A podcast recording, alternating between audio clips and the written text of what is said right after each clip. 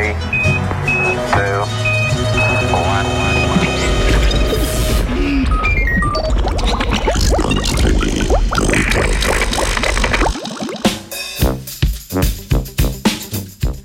Naj bo luč.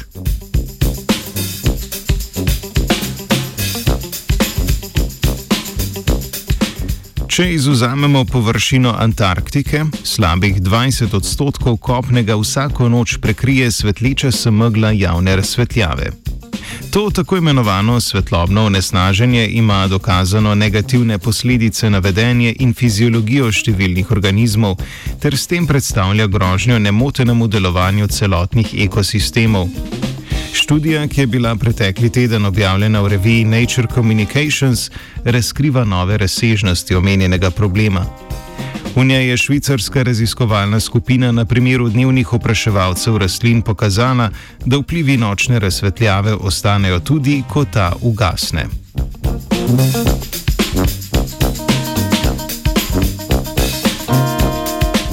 Raziskovalci in raziskovalke so vpliv svetlobnega onesnaženja na interakcijo med dnevno aktivnimi opraševalci in rastlinami preverili s preprostim poskusom. 12 travnikov so razdelili v dve skupini. Prvo skupino šestih travnikov so po noči osvetlili s splošno uporabljenimi LED lučmi, drugo pa so pustili v temi. Čez dan so na obeh skupinah travnikov istočasno opravili popis interakcij med opraševalci in rastlinami, torej koliko žuželk in katere oprašujejo katero rastlino.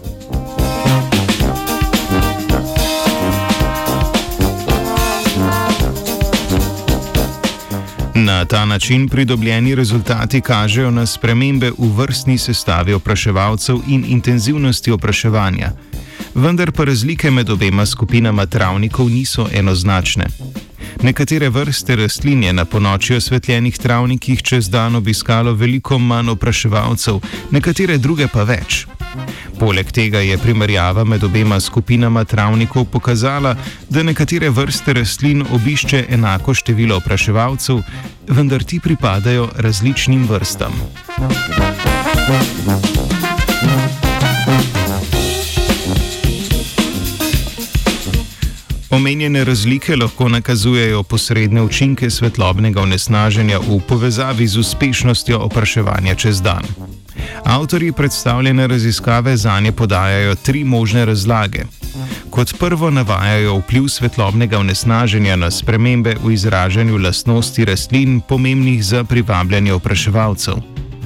Druga razlaga podaja nekoliko bolj prikrit posredni učinek, pri katerem pomembno vlogo igrajo herbivori.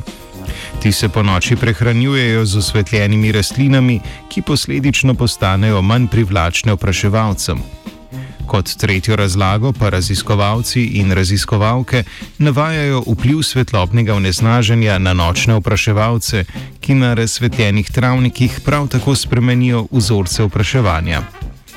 Nekatere rastline imajo zjutraj tako več nektarja, druge manj, kot bi ga imele, če bi travniki ostali neosvetljeni.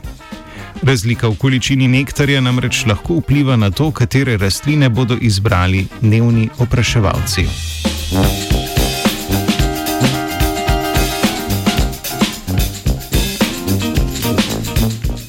Luči je prižigal Gregor.